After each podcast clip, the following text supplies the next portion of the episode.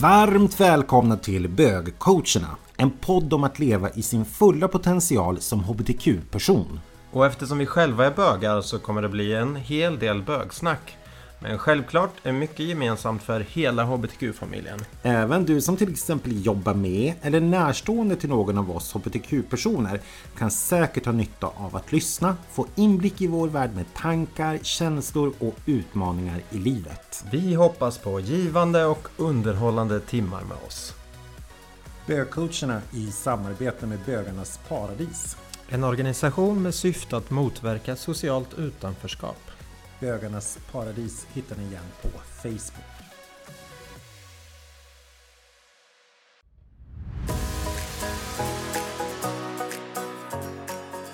I dagens poddavsnitt så ska vi ta upp attityder. Ni som lyssnade på, jag tror minsann att det var avsnitt två, pratar vi om eh, fuck off-skinnet som det positiva. Det som vi HBTQ-personer kan få som ett extra bonus när vi har arbetat med vår personliga utveckling och kommit ut och vi blir lite så här fuck you, jag är bra som jag är. Men mellan varven nu och då så kan ju fuck off skinnet bli lite för hårt och vi kan få en attityd som kanske inte är alltid så smickrande. Ja, så då tänkte vi att vi idag helt enkelt skulle prata lite grann om det här med attityder och förhållningssätt och ja, hur vi förhåller oss till varandra och hur vi är helt enkelt och beter oss. Men jag tänkte Andreas att vi skulle börja med din klokhet och din kunskap. Och du kan förklara lite attityder kontra drivkrafter utifrån ett beteendevetenskapligt sätt att se på saken. Ja, jag ska ge mig, ge mig på ett litet försök att göra det. Um, och det här med attityder är ju inte kanske jättelätt att förstå vad det handlar om rent teoretiskt. Men ett sätt att förklara det på kan till exempel vara att, att vi, vi har ju våra värderingar som finns allra längst och djupast inom oss själva. Det som bygger oss själva och ligger till grund för vem vi är som människor. Och det som styr mycket av våra beteenden. Eh, det som vi faktiskt gör, det andra ser. Så man tänker sig att värderingarna finns längst inom oss, på djupet inom oss Eh, och våra beteenden är det som andra uppfattar om oss. Alltså det vi gör och det andra uppfattar, det som syns på utsidan. Så kan man säga att attityden är eh, precis mitt emellan värderingarna och beteendet. Eh, ligger däremellan, alltså det som påverkar mina beteenden, det jag gör. Och eh, ja, men varför kan det vara bra att veta att det finns någonting däremellan som som påverkar våra beteenden då? Ja, det går ju liksom inte alltid riktigt att påverka någon annan eller för den delen sina egna värderingar. Det är så djupt rotat inom oss själva så dit kommer man liksom eh, väldigt sällan. Det kanske är om man blir hjärntvättad typ så förändrar man människor på djupet. Men attityder kan man ju faktiskt påverka eh, hos, hos sig själv eller hos andra om man till exempel jobbar med ledarskap och vill förändra någons attityd. Så, eh, så att man påverkar helt enkelt, man jobbar med att påverka andras inställning till saker och ting och eh, sin egen inställning om man jobbar med självledarskap då till exempel. Mm. Jätte, jättespännande. Det är lite förvirrande för mig. För jag tänker, jag blandar ihop beteenden och attityder. Ja. Men samtidigt så kan jag ju förstå på ett sätt. För om, om man då tar det så här om någon har en taskig attityd. Att jag utifrån ett ledarperspektiv och ett ledarskap kan faktiskt arbeta med att förändra den personens mindset eller tankesätt eller inställning till saker och ting. Det är ju egentligen ord som är ganska synonyma med attityd just. Så att mm. helt enkelt jobba med att påverka någons inställning och förhållningssätt istället för att bara påverka en persons beteenden, vad vi gör. En utav mina första sådana här reflektioner, eller första reflektioner, men det är alltså kontra småstad eh, på tal om, om storstad. För jag kommer ju från Jokkmokk som jag har nämnt vid flera tillfällen. Och jag tänkte när jag flyttade ner hit, att jag var så himla chockad över mina fantastiska fina tjejkompisar som är så här drivna, härliga tjejer och en del utav mina killkompisar också. Och inte bara dem, utan jag tycker det här är ett storstadsfenomen. att man avmänskliggör, omänskliggör eller apersonifierar varandra på ett sätt som vi inte gör i småstäder. Och det kanske på ett sätt då är beteende eller en dålig attityd. Och för att förklara det i, i en liten stad, alltså nu menar jag attityder gentemot varandra, så finns det en värme på ett sätt som jag tycker är väldigt, väldigt härligt som jag kan sakna i storstäder. Och det är det jag tror många gånger en, många småstadsbor brukar säga att ja, men de tycker det är så hård attityd eller det är väldigt hårt i stora städer. Och det är det jag tror de kanske känner. För hemma på min gata i stan om man bumpar in i någon eller man eh, håller på att krocka eller gör någonting sånt där. Man börjar nödvändigtvis inte att tuta och peka finger det första man gör. Utan det blir ju lite grann så här, bara ojsan nu höll det på att hända någonting tokigt här eh, och så blir det inte så himla mycket fast utav det. För det kan vara mammas arbetskompis dotter. Man har en relation till ta med tusan alla på ett eller annat sätt. Medan här så har man ju en enklare eh, sätt att, ja men jag vet inte vem du är och därför så kan jag bara säga Fuck you ha en dålig attityd i mötet som man gör.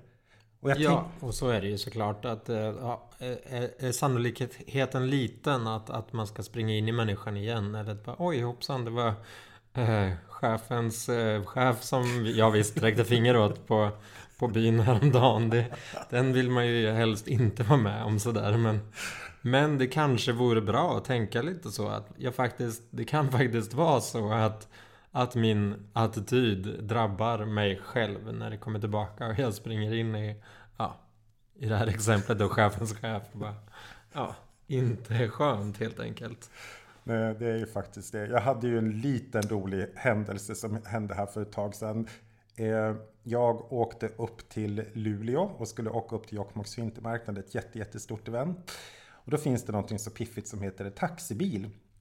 Eh, en flygbil så man får alltså åka taxi 20 mil för typ inga pengar. De har satt in det där för att det istället för bussar.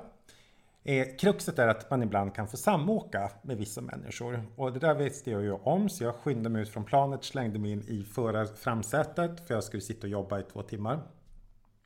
Och då kommer det tre stycken Stockholmsdonnor och eh, ja, de kommer fram till bilen och så sliter hon upp. Det var en väldigt parant dam i 60-årsåldern och fräser åt mig. Bara så att du vet så ska jag sitta här halva vägen. Och jag hade väl en dålig dag. Så att eh, jag blev lite halvt otrevlig tillbaka. Jag bara, och hur tänkte du nu? Ja, bara så att du vet så ska jag sitta här. Och jag blev så förbannad så jag bara, men fuck you jävla kärring. Ta och sätt dig i bilen där bak. Jag sitter här. Varför ska jag flytta på mig? Jag fattar inte det. Ja, och hon blev så arg och hon var helt galen. Hon satt sig där bak och teatertalade som att inte jag hörde. Ja, den där förbannade mansgrusen som sitter framme i sätet. Ja, long story short, hon hade en fruktansvärd attityd. Det roliga var att jag och Andreas är i piran och helt plötsligt så så stöter vi ihop ja, varandra, det, jag och den här tanten. och bägge två kände igen varandra och bara log för att vi trodde att vi hade ett trevligt minne tillsammans. Men sen kom vi på i samma sekund bägge två vem vi var. Oj, just det, det var hon hemska tanten. så, ja, så där hade vi ett typiskt Stockholms exempel på det. Ja, då kan det liksom hända då med andra ord även i Stockholm då att man springer in i de här människorna som man har kanske inte haft bästa attityden gentemot eller sådär. Nej. Ja, men ska vi förtydliga lite eller gå lite mer in på det här med varför vi tycker att det är intressant just ur ett HBTQ-perspektiv att prata om attityder. Och vad, ja. vad tänker vi om det? Nej men det vi tänker på det är ju hela tiden vi pratar om att vi ska stärka oss, att vi ska lyfta oss och vara i vår fulla potential. Och många gånger så är det så att många utav oss har haft det tufft och haft det jobbigt och man har tagit på sig ett skal som kanske har gjort att man inte lever i sin fulla potential på ett eller annat sätt. För att man har måste skydda sig, sätta upp ett mm. litet skyddsmur. Ja. Vi har ju båda sett den här fantastiska serien Pose ganska ja. nyligen. Eh, den finns på Netflix eh, första säsongen och eh, säsong två finns på HBO för er som har det. Ehm, och det är en serie som just handlar om ehm, människor eh, som har levt ett tufft liv och därmed också en väldigt tuff attityd. Det handlar om ett gäng eh, transpersoner i, i New York eh, på slutet av 80-talet och början av 90-talet. Och eh, ett gäng eh, ja, transpersoner och eh, bögar och några hangarounds om deras tuffa liv. Svart som eh, väljer sin egen familj eh, när de kanske inte har stöd från sin egna. Och där blir det ju också den här attityden av att ja, men kanske försöka vara någonting som man ibland inte är att måla upp en bild och hela den att det är så himla bra. Allting. Ja, det är väldigt tydligt med det här med fasaden och att det ska vara så fint och perfekt och utåt men att det är trasigt på insidan. Och, mm. Ja, och att de är riktigt jävla bitchiga mot varandra många gånger. Mm. Det kan man ju också se för att i serien tycker jag det speglar någonting väldigt, väldigt tragiskt fortfarande 2019. Det är ju att även i våran HBTQ-värld så har vi ju en hierarkisk stapel över vad som är högst i hierarkin och så sen lite nedåtgående. Den kanske plan, har planat ut på många halvår fast ibland så upptäcker man ju ena fruktansvärda attityder gentemot varandra inom HBTQ också.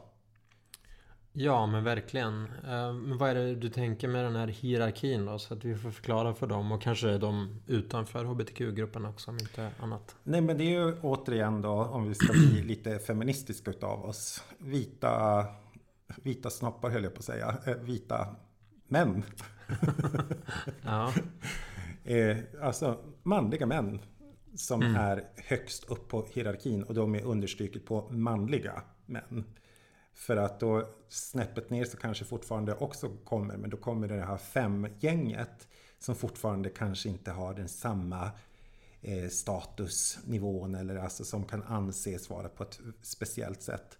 Mm. Naturligtvis så tror jag att det är mycket, mycket bättre i, här i Sverige till viss del. Men jag har själv varit med om när människor har varit förfärligt genom jävligt vidriga inom våran grupp mot eh, HBTQ-personer, transpersoner framför allt. Där man inte har kunnat känna acceptans och, och, respektera folks stora, stora livsbeslut som man tar. Och det har varit helt chockande för mig att, att man eh, får uppleva sådana taskiga beteenden och attityder.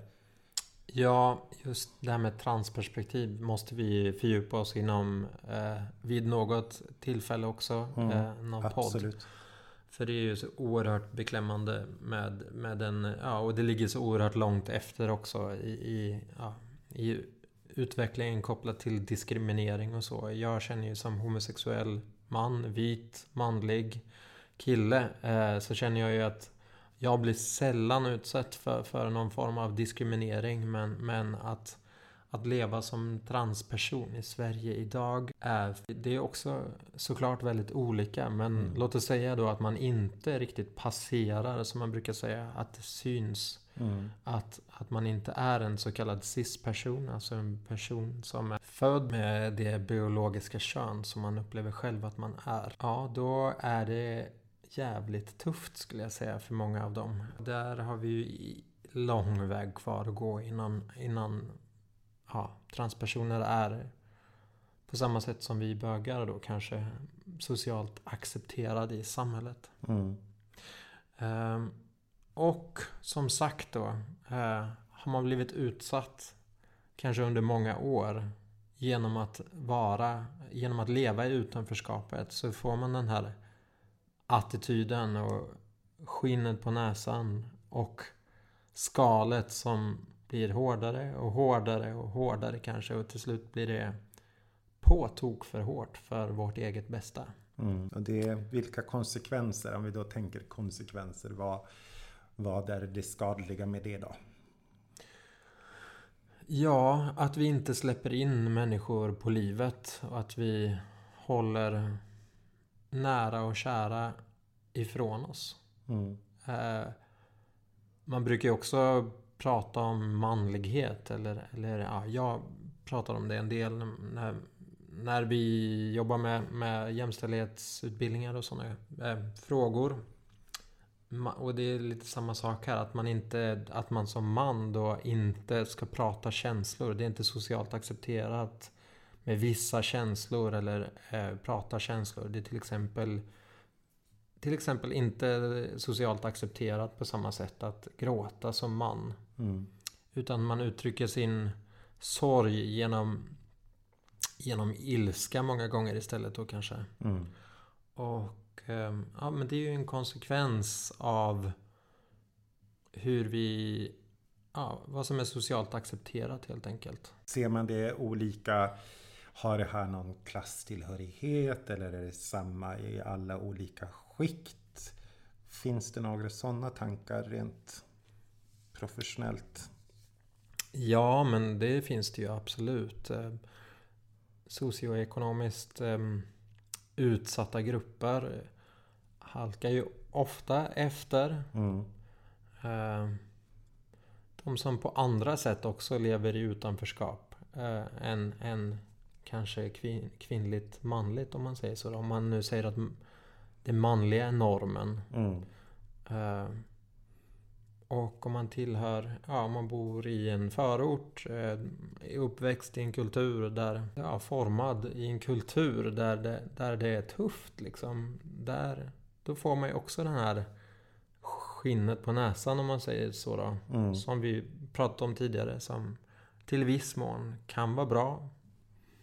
Men när det blir för hårt och för tufft så är det negativt för oss själva.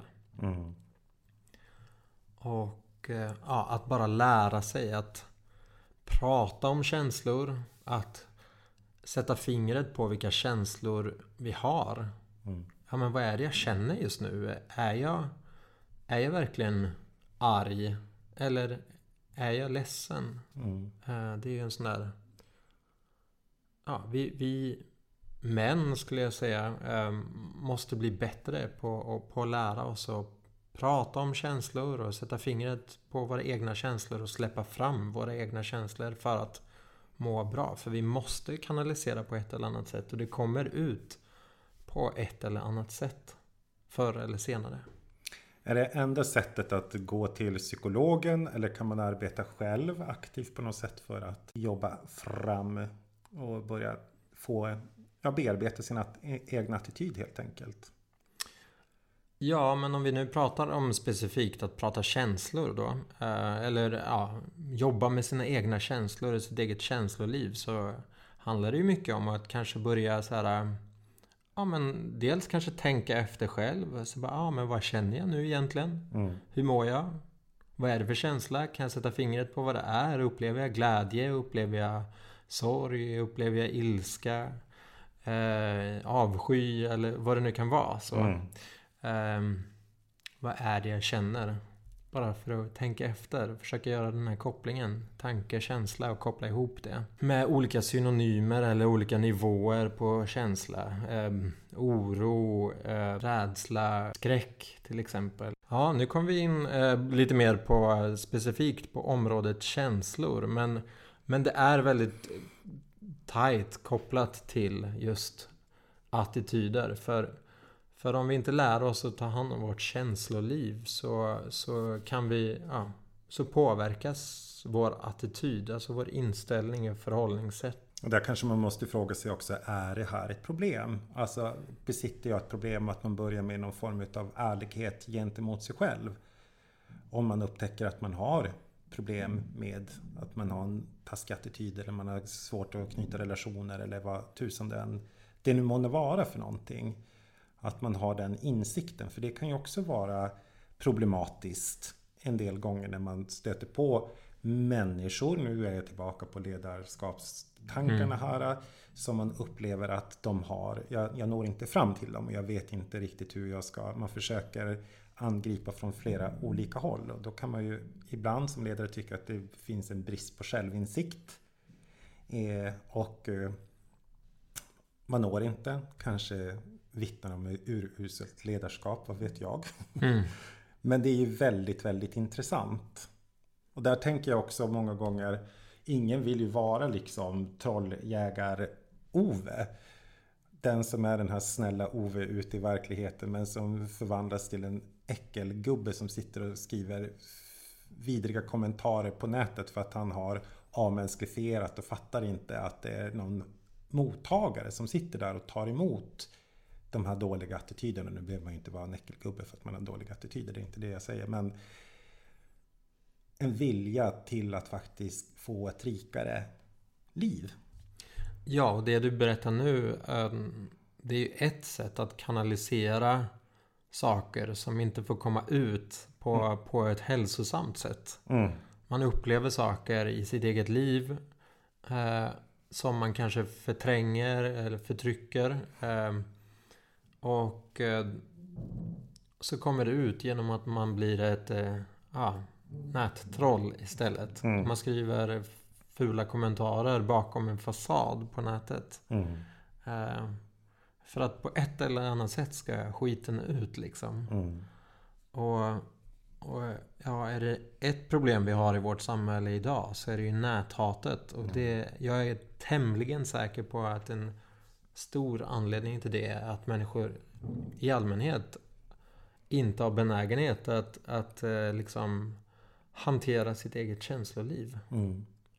Inte har förmåga och kapacitet att ja, varken som sagt prata om känslor eller att uppleva känslor och liksom sätta fingret på dem och gå in i känslorna. Mm. Eh, och det är någonting som man behöver lära sig faktiskt. Både ja, utifrån perspektivet att vår kultur då inte tillåter riktigt att vi jobbar med, med vårt känsloliv fullt ut. Eh, utan att vi har lärt oss eh, via vår prägling genom vår uppväxt att vissa känslor inte ska vara okej okay mm. att känna eller uttrycka. Eh, som, som jag väldigt tydligt själv har upplevt som, som barn till exempel att, att det inte var okej okay att, att uh, gråta på samma sätt som om jag hade varit tjej till exempel. Mm. Eller att jag ska vara mer snubbig än vad jag kanske vill vara eller, eller så. Mm, absolut, Nej, men jag, jag, känner igen det så otroligt väldigt, väldigt mycket. För det var någonting i all vänlighet som jag fick också i tuttat som jag var liten med. Killar gråter inte. Och jag vet att jag var så stolt. Eh, för att jag grät inte en enda gång. Varken på lekis eller i skolan. Aldrig någonsin. Mm. Och det var som någon typ av coolhetsgrej. För det var alltid någon som brast ut i någon gråt. Av någon eller annan anledning. Då tyckte man att de var lite vek. Mm. Så det var förlorad manlighet tio år. Ja. ja. Det är helt sjukt. Och, ja, men det är verkligen helt sjukt. Och jag kan ju känna ibland så här att ja, men jag har inte speciellt nära till gråt. Mm -hmm. eh, jag kan bli så lite gråtig när lyckliga saker mm. händer. Alltså typ med bröllop i någon film eller när någon får barn eller, eller så här fina saker. Då, då, då kommer tårarna lite snabbare. Men när det verkligen är sorgliga saker så kan jag känna ibland så här bara, ja.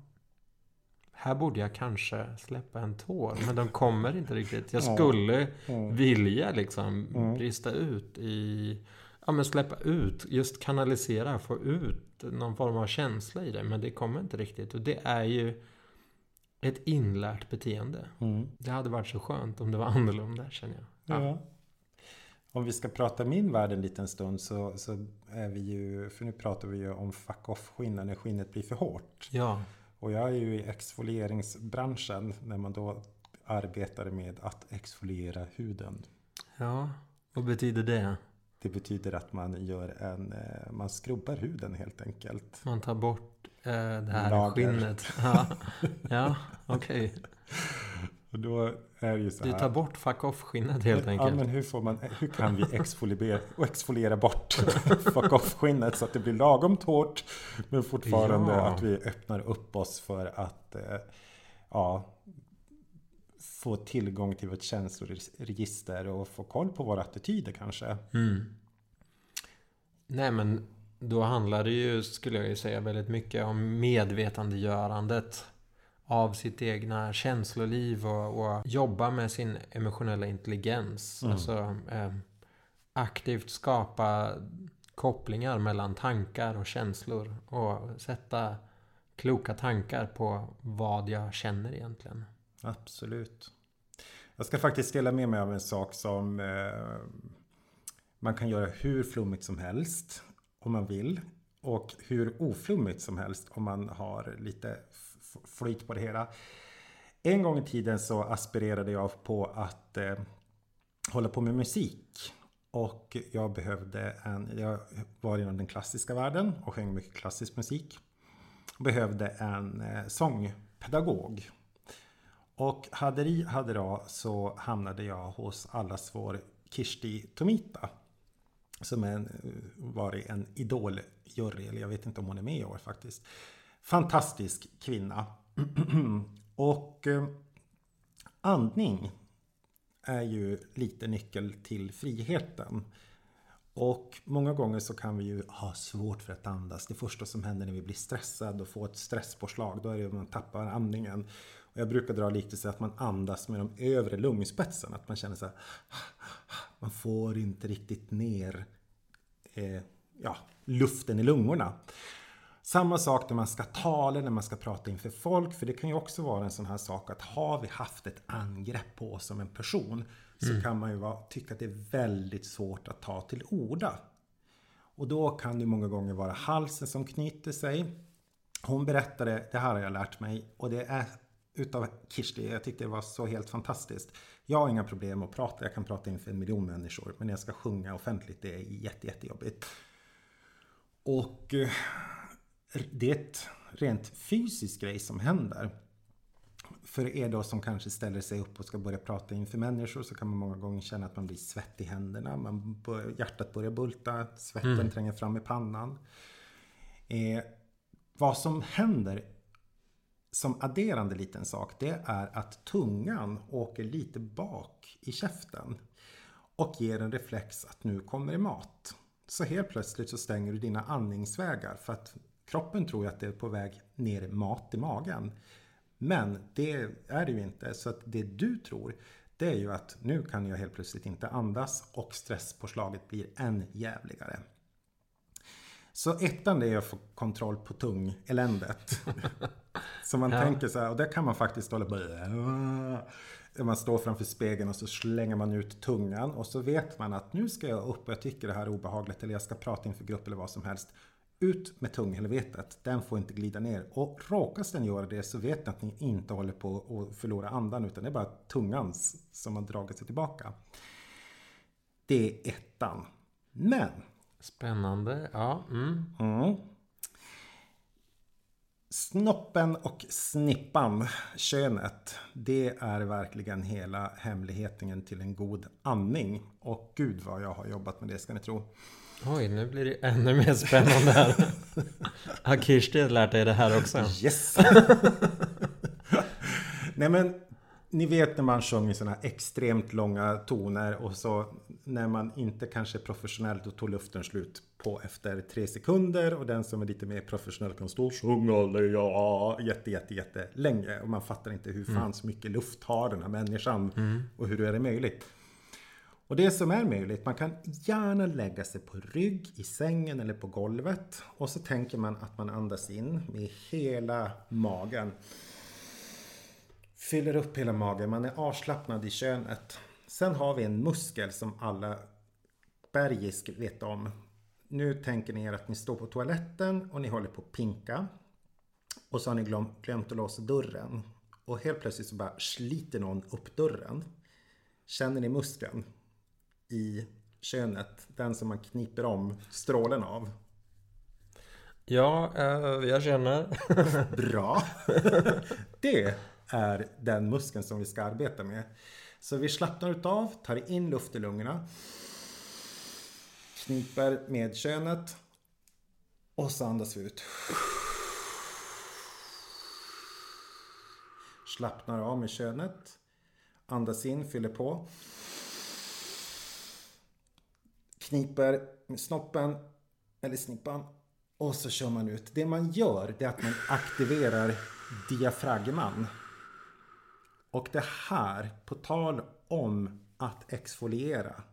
Det är dit jag vill komma. Vi exfolierar inifrån på det sättet att vi tar kontakt med våran andning. Vi kopplar på våran andning. Det är inte lösningen på alla världens problem. Absolut inte. Men det är ett effektivt sätt att öppna upp för att få tillgång till sin syresättning. Och har man tillgång till den och sin diafragma och hela den biten och man känner styrkan att jag har min röst. Den kan ingen ta ifrån mig. Då kan man helt plötsligt börja känna sig säker. Och det kan ju handla om att en del människor tycker det är jättejobbigt att bara prata med en människa, prata i telefon eller mm. vad tusen som helst. Så det är ett exfolieringstips. Ja, och här blir det ju väldigt tydligt också med den här kopplingen mellan tanke som påverkar dina känslor mm. och kroppen och det fysiska och din, din, ah, dina handlingar och vad du gör med din kropp fysiskt. Mm. Och det jobbar vi jättemycket med också när man jobbar med, med, ja, med personlig utveckling och hitta kopplingen mellan tanke, känsla och handling och mm. kroppen och fysiken och mindfulness och, och, att lära känna sig själv och sin kropp och liksom hitta sin trygghet i sig själv med hjälp av, av kroppen. Mm. Hur går vi vidare efter det här nu då? Attityder och förhållningssätt och, och varför det är viktigt för oss att, att jobba med och lite kopplingen till just det här med HBTQ och så också. Varför vi HBTQ-personer ibland kanske får ett, ett på tok för hårt skal. Mm. Nej men och jag tror också det är återigen det här med eh, folk som vi har runt omkring oss.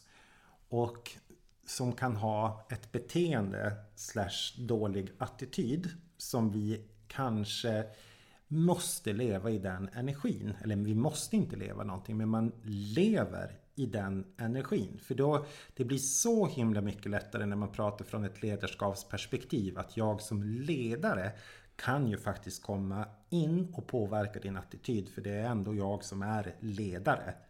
Medans i en familjesituation, en vänskapsrelation så kan man ju inte kanske arbeta på samma sätt utifrån om man inte naturligtvis har intressanta diskussioner. Mm. Men är inte den människan mottaglig för att, som har den här dåliga attityden. Som när ens själv till en dålig självkänsla och dåligt självförtroende. Då blir det ju lite utmanande. Ja, och, och, att om vi nu pratar ledarperspektiv och, och det här med... Ja, men om, vi, om vi tar exemplet bitch-attityd då, som jag tror alla kan relatera till och vet vad det innebär på ett ungefär. Att faktiskt se bakom den attityden och ställa sig frågan, ja men hur kommer det sig att, att den här personen har den här bitchiga attityden?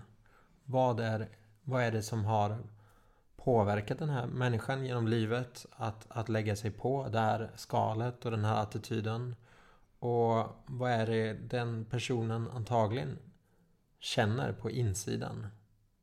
Mm. Och hur kan jag komma dit? Hur kan jag nå den här personen? Hur kan jag hjälpa den här personen att sakta men säkert öppna upp och, och känna sig trygg och, och ja, men bli mer sig själv? För det är ju någonstans ja, då, då hjälper vi verkligen människor. Eh, om vi faktiskt ställer oss den frågan. Ja, men hur kommer det sig eh, att den här personen känner som den gör eller agerar som den gör? Mm. Vilka känslor ligger bakom agerandet så att säga? Och då antar man sig rollen som en större människa, tänker jag. Alltså ja. att man, man hjälper till. Men det finns ju, och det tror jag många av oss också har erfarenheter utav att om inte den är mottaglig för det. När finns det ett bäst före datum på att försöka om det är så konsekvensartat för mig. Ja. Där måste man ju också tänka att hur jungfrumoderlig får vi vara? För det är det jag tror många gånger att vi kan vara för snälla. Att folk får harja. Och dondera med taskiga attityder och taskiga beteenden. Inte att man då ska bitcha själv. Mm. Absolut mm. inte. För nu lät jag ju faktiskt ganska bitchig hörde jag. ja men lite kanske. Men, ja. men jag tänker från ett stärkande perspektiv att faktiskt också vem är det som har ja, men kanske präglat oss eller Mm. ja, på ett sätt som inte är positivt. För det är vi kan ju ärva varandras attityder. Vi blir Ja, ja, som vi gud, ja, umgås. verkligen. Eh, nej, men jag tänker så här, inom ledarskap eh, brukar jag jobba utifrån en modell eh, som kallas för utvecklande ledarskap, som många säkert känner till. Där pratar man om tre nyckelområden. Det handlar om att, att, att leda genom att vara ett föredöme, att leda med omsorg och att jobba med inspiration och motivation. Det är liksom tre kärnområden i ledarskapet som ska prägla eh, ja, ledarskapet. Man ska ha dem i bakhuvudet hela tiden och, och, och använda dem som verktyg i sitt ledarskap. Eh, och då kan det till exempel, ja, det, var, det kan ju vara omsorgsfullt att fundera på, ja, men hur kommer det sig att den här personen har den här attityden? Att jag verkligen bryr mig om människan. Eh, men Sen kan det finnas situationer där jag faktiskt måste gå in och vara mycket mer tydlig och använda mig mer av ett så kallat traditionellt ledarbeteende där man faktiskt visar och sätter gränser att nej, stopp och belägg. Det här är inte okej. Den där attityden eller, eller det beteendet som du har här nu, det är inte okej. Mm. Ehm, så att, men, men, men eh, som sagt, huvudsakligen använder sig av de här tre eh, huvud... Eller kärnorden då. Eh, I ledarskapet. I ja, allra största delen av sitt ledarskap. 90% eller vad man kan säga. Sen någon enstaka gång då och då. 10% eller så får man gå in med tydlighet och peka med hela handen kanske. Eller sätta, sätta gränser på ett annat sätt än vad man kanske gör i, i det vardagliga. Mm. Men vissa attityder är ju verkligen inte okej för att det förpestar miljön. Mm. Och som du sa också, eh, att det påverkar andra och helt plötsligt har man skapat en kultur där, där man är ja, superbitchiga mot varandra om vi nog fortsätter att använda oss av det. det just det exemplet på attityd. Mm. Och det ska man ju veta om man då kanske om vi frångår eh, arbetslivet och går in i det profession- eller professionella, det privata. Mm. Och man helt plötsligt börjar sätta ner foten där eh, till en person som, som man har understötts i någon dålig attityd. Då kommer det ju bli en ganska chock för den personen också. Så där kan man ju tänka att det kan bli en liten uppförsbacke om man börjar faktiskt sätta ner foten lite grann. Att det här, jag accepterar inte det här längre. Nej, det kan ju verkligen vara så att man har rullat med lite för länge och låtit någon hållas eh, med en viss attityd. Och det kan jag verkligen tycka är eh, tydligt i just gayvärlden. Att man har accepterat eh, vissa attityder. Mm. Bara för att, för att vi är ja, förtryckta eller lever i utanförskap. Och att, att man då har liksom valt att acceptera att ja men så är det. Det är okej liksom. Mm. Men jag, jag tycker att någonstans där så Nej men det är inte okej. Vi, vi, ska vara, vi ska vara snälla och trevliga mot varandra. Och vi ska ta hand om varandra. Och vi ska bry oss om varandra. Och vi ska låta människor, människor få komma till sin rätta och vara sitt rätta jag. Och inte behöva ha den här attityden. Jag vet i min ju inte- ungdomens Ja. Stockholm när jag var ganska nyligen, relativt nyligt nedflyttad hit och hamnade i ett gäng. Där det var en ganska bitchig kultur. Och eh, där var det mycket så här La Dolce Vita. Och var man inte La Dolce Vita så var man ingenting. Och eh, ja, det var mycket taskig attityd på det sättet. Och jag var i uppstartsfasen av ett företag. Och alla som någonsin har varit i en uppstartsfas av ett företag som inte råkar per eh, automatik vara snorrik vet hur jävla jobbigt det är. Mm. Jag var typ urpank. Men tyckte om att haka på och ha, ja, följa med. Och det klassiska var om vi var ute och käkade. Så var det så bara, ah men vi splittar på notan. Och jag bara, eh, nej, jag har verkligen planerat. Jag ville ha en eh, liten eh, caesarsallad och en liten öl. Det var vad min budget var. Jag tänker inte understödja era champagneflaskor och avecker och fan allt vad ni, ni har tagit. Mm. Och det är också en sån här attityd vad lätt det blir. Och det kan jag tänka det har jag, jag vet inte om det är ett storstadsfenomen, men jag tycker jag har sett det i Stockholm så fantastiskt mycket med när man helt plötsligt köper en livsstil och lever på kreditkort och räkningar. Mm. Alltså bara för att man på något sätt ska försöka kopa upp med någon form utav... Eh... Ja, leva upp till en ja, fasad blir det ju då. Ja. ja. Upprätthålla en viss form av standard och nivå som man kanske inte riktigt pallar med eller klarar av eller har ekonomi för. Nej men precis. Och det, ja, det där är väldigt, och väldigt heller intressant. inte då känslomässigt kanske pallar av egentligen. Man, man mår ja, dåligt över att behöva upprätthålla den här fasaden mm. eh, gentemot sina vänner och bekanta. Så ja, också ett bra exempel på vad det kan innebära och hur, hur vi påverkas av det. Ja men verkligen. Mm. Och vad skönt det är när man säger ifrån. Ja.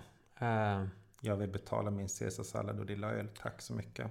Ja, men att, att säga ifrån och att bry sig om varandra och göra sig ifrån ändå med, med omsorg mm. och med goda intentioner. Ja, vi hoppas att vi har gett er lite tankar om attityder och eh, Ja, kanske lite verktyg om exfolieringssätt. ja, lite kön och lite, lite kön och snopp och snippa övningar och ja, lite sådär. Vill ni följa oss på sociala medier så gör ni det på Instagram på bögcoacherna. Andreas följer ni på Instagram under Andreas Nilsson STHLM som i Stockholm. Även jag kan man följa på Instagram och då är det johan.viklund med W Eh, det går att mejla oss om ni vill och det kan ni göra på bögcoacherna.gmail.com Tack för att ni lyssnade och ha en fantastisk vecka. Ha det bra. Hej då. Hej då.